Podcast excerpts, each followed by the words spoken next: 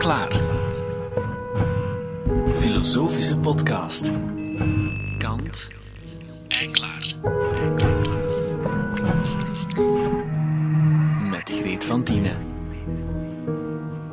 Welkom in deze filosofische vertelmachine, waarin we vertrekken van één van de vragen van de 18e-eeuwse denker Immanuel Kant om iets te kunnen zeggen over de wereld van nu. Wat kan ik weten? Wat moet ik doen? Wat kan ik hopen? En de laatste en meest omvangrijke vraag: wat is de mens?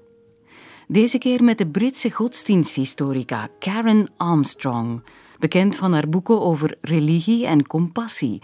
Ze is best populair voor iemand die aan vergelijkende godsdienstwetenschap doet en zonder verpinken Jezus, Boeddha, Mohammed en een heilige rabbijn rond haar tafel zou uitnodigen. In eigen land is er merkwaardig genoeg veel minder interesse voor haar werk. Britain is, is probably the most secular country in the world. Do you think so? Yes. I mean, you're far more interested in my work here in Belgium than my own country Really? is. Yes. It's the second worst, it's the, probably the, one of the worst markets for my books. and um, only 6% of the population uh, attend a religious service regularly. And most of those are Muslims. My friends never, don't even read my books. So. They uh, don't? No. They're not interested. They just say, why do you bother with this discredited stuff? Aha. So what do you say to them? I, d- I don't even bother. I, Oh, you're fine with that. yes, I, I, it's quite restful at home because when I go home, no one wants to interview me, and I can just get on with my work. So So with your friends, you just go out and have a drink and have a talk and Oh, chat. about everything else, but uh, but never. T- uh, or, or, or I, I wish I could read your books, but I just can't get my head around them. They say so. That's all right. Karen Armstrong is 74, ex-non. Ze studeerde letteren in Oxford, voelt zich het best als kamergeleerde aan de werktafel van haar huis in Londen, maar vliegt toch de wereld rond om haar charter voor compassie in gang te zetten, dat steden ertoe aanzet een houding van mededogen om te zetten in de praktijk. Binnenkort trekt ze zelfs weer naar Pakistan of all places. That's a real paradox because It is. you love one thing but you do the other. I feel I must do the other. You must do I, I, I don't do it because I like hearing the sound of my own voice, believe me. um, or even travelling. You know, I sometimes think I will never want to go voluntarily down to Heathrow and board an aircraft ever again. But the, for some, I, I feel there's things that need to be said. And if pe- people ask me to speak, I, I feel I must do so. I'm going, to Pakistan later this year, and I go there a lot. And it's, it's, it's uh, very dangerous. There's always a man with a gun beside me. Uh, because I'm talking about religion, and the ta- in a way the Taliban won't like. Um, but what's happening in in Karachi uh, with the Charter for Compassion that I created? Uh, we create one of the projects is to have cities endorse the charter, where the mayor will endorse the charter, and they have to have a, a practical plan of action to make the city a more compassionate place. Um, and the, we've got about 400 of these cities. But what, the best one, it, we had an independent survey done, is Karachi where there's suicide bombings every single day, and where they've created a network of schools of compassion. They got educationalists to introduce compassionate teaching into core subjects of the curriculum. Het lijkt een bijna onmogelijk idee. Karachi, waar elke dag zelfmoordaanslagen gebeuren, in de richting van geweldloosheid en mededogen proberen te duwen. Door niet meer dan een gemeenschappelijk verdrag van goede wil. we can all do what we can. This because I really think that unless the world we learn to treat all peoples, whoever they are, whether we like them or not, as we would wish to be treated ourselves, we're not going to have a viable world. And, and it's nothing to do with airy fairy notions. I mean, and that's why I'm thrilled that the people who came forward to help me with this charter for compassion were not religious people. but business people.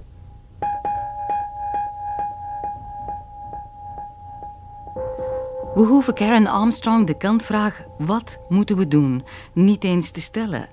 Haar leven is daar al een antwoord op. Compassie is voor haar een dagelijkse praktijk, zoals ze ook religie als een praktijk ziet. Geen geloof, geen halfzachte emotie of medelijden. Compassie is een houding waarin je elke dag oefent. Het is een langzame transformatie op weg naar meer empathie, die tegenwicht biedt aan geweld, onverschilligheid en haat. And these people are like Confucius and Jesus and Rabbi Hillel and Muhammad. They were not living in nice, peaceful groves, but living in societies where violence had reached an unprecedented crescendo, as it has in our own day. And they realized that unless, and they so they said, we and we cannot confine our, this benevolence to our own group. We have to have what one Chinese sage called Yan Ai, concern for everybody. Uh, love your enemies, said Jesus. And by that, he didn't mean we were to be filled with soggy affection for Osama bin Laden. No, that's not what the point. The word love, it's hesed, which means loyalty.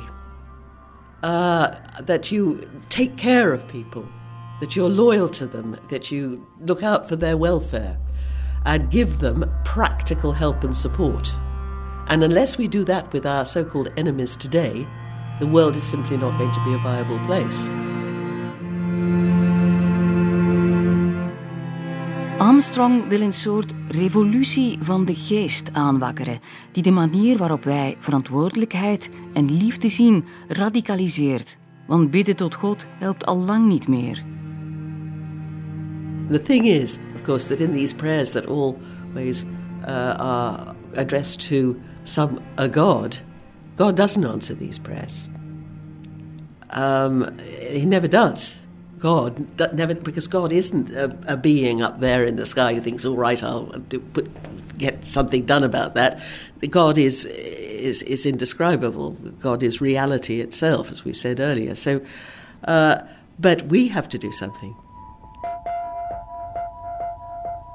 Karen leidt als ze thuis in Londen is in haar eentje een soort studieus en geregeld kloosterleven. I spend my days when I'm at home studying. I start at nine in the morning, have a every day, every day, and uh, go down for lunch, which is simply a microwave meal. Um, you don't cook. I don't cook on principle. I, I moved to a part, part of London where there are so many restaurants that I told my friends that I was not cooking anymore, and there were cries of joy and relief. so, um, so I, I, I won't cook. Uh, and then I go back and study until stop at 10 to 6. It's hard work, uh, but there are moments when I will get m- moments of insight and wonder and awe. And I used to teach at a Jewish rabbinical college. And the rabbi who was masterminding the, the course said to me, You should have been a rabbi, he said, uh, because that's what Jews do when we study Torah and Talmud. We get that moment. We don't talk to God, we study, and there are moments of illumination. So the kind of meditation I was doing in the convent didn't suit me at all. But this is, this is my form of spirituality. So in study, there are these moments of awe, of insight and that's what takes you out of yourself? Yes, just for a moment. Um, and and I I like knowing more. I like learning new things and understanding more.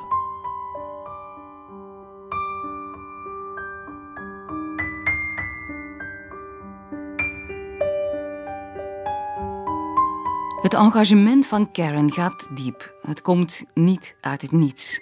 En het heeft ook alles te maken met die andere kantvraag. Wat kan ik weten?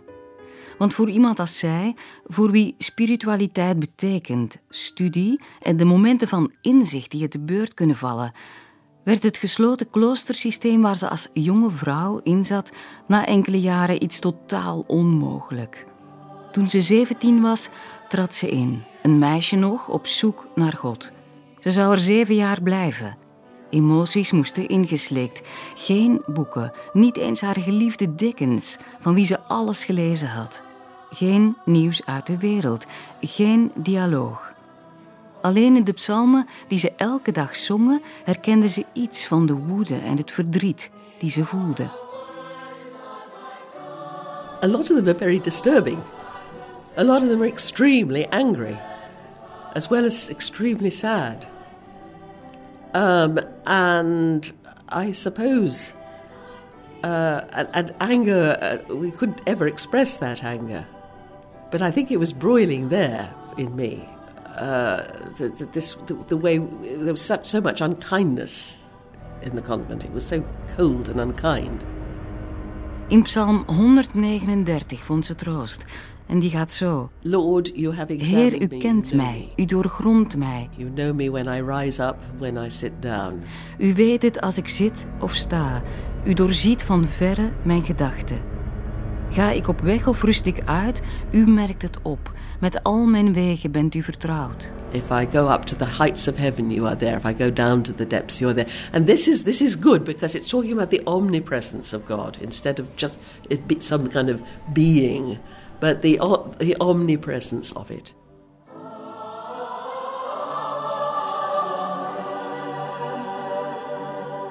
Ze slaagde er niet in iets als liefde voor de Heer te voelen, want de God van het klooster was als Big Brother die vanuit elke hoek je mislukkingen en fouten gadesloeg. In haar zevende kloosterjaar mocht ze letteren gaan studeren in Oxford. Karen wist niets van de wereld. Ze kende de Beatles niet en had nog nooit van Vietnam gehoord. Elke zaterdag moesten zij en medezuster Sarah, die ook studeerde, op gesprek bij moeder Overste. Karen rebelleerde. Every Saturday night we'd have to go in to have, because we were young nuns still under first vows, to have a, a little conference so she would talk to us about something. And no sooner had she got the first words out of it than I would be arguing with her. Really? Yes, I'd say, No, I don't believe it. She would say, Well, I think as student nuns, it's very hard, and it's, you, but it's good for you to be so lonely. And I would say, I don't think it's good for us at all. And the whole of the thing would be, I would be fighting with her, which I had not been able to do with. Suddenly, it was all coming out of me. And poor Sarah would sit, who was not at all willing to argue, would be sitting there in misery while the two of us cr- crashed it out. And I left at the end of that year. Na het eerste jaar in Oxford verliet ze het klooster. Gebroken, kwaad, totaal onwennig. Het was 1969. Studiegenoten hielpen haar kleren te kopen. Ze ging bij wijze van spreken in haar bijt het pashok in en kwam er terug uit in minirok. Er volgden jaren van depressie en mislukkingen.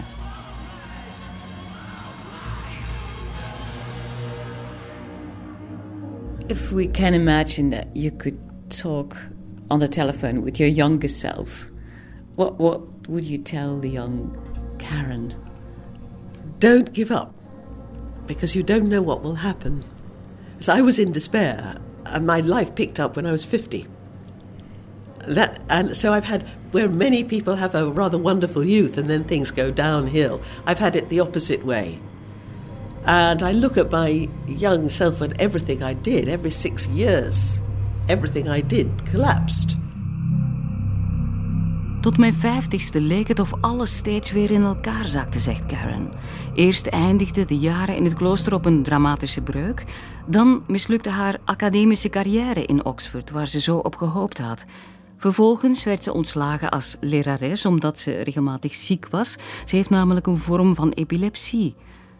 Ze maakte een tv-reeks over apostel Paulus voor Channel 4, waarop het productiehuis failliet ging. Maar er was iets in gang gezet. Door het bezoek aan Jeruzalem voor de tv-serie werd haar interesse voor religies weer gewekt, als een geest uit de fles. Al die tijd sinds het klooster was ze allergisch geweest voor God en godsdiensten. Nu zag ze in hoe onzinnig haar idee over God was geweest. Dus begon ze de wereldgodsdiensten te bestuderen en schreef later haar beroemde boek Een geschiedenis van God.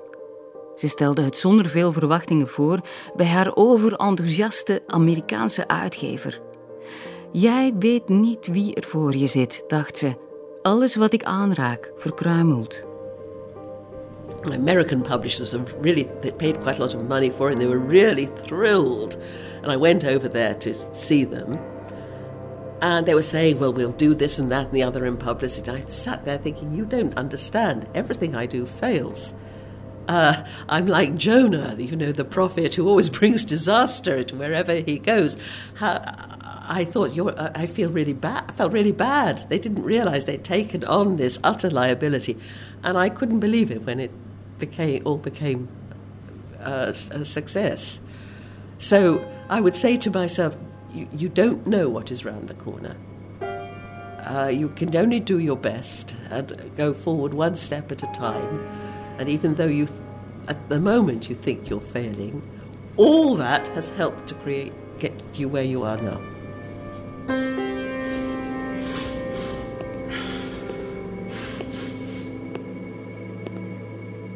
Dit was de eerste aflevering van deze reeks van Kant en Klaar, waarin Karen Armstrong ons aanmaant om ons te oefenen in de praktijk van de compassie. Niet als halfzacht geloof, maar als dagelijkse praktijk. Dat is noodzakelijk, zegt ze, in deze wereld waar het lijkt of geweld voortdurend het hoge woord voert. Volgende keer horen we filosoof en econoom Toon van de Velde. Hij denkt na over de vluchtigheid van de dingen en hoe we daarmee kunnen omgaan. Benieuwd waar we zullen uitkomen. Heel graag tot dan.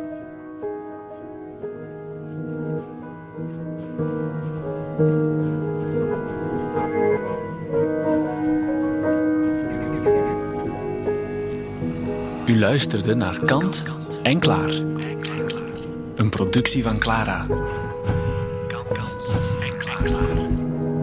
U kunt alle afleveringen herbeluisteren via clara.be of via een abonnement op de podcast. Reageren kan via kant.clara.be.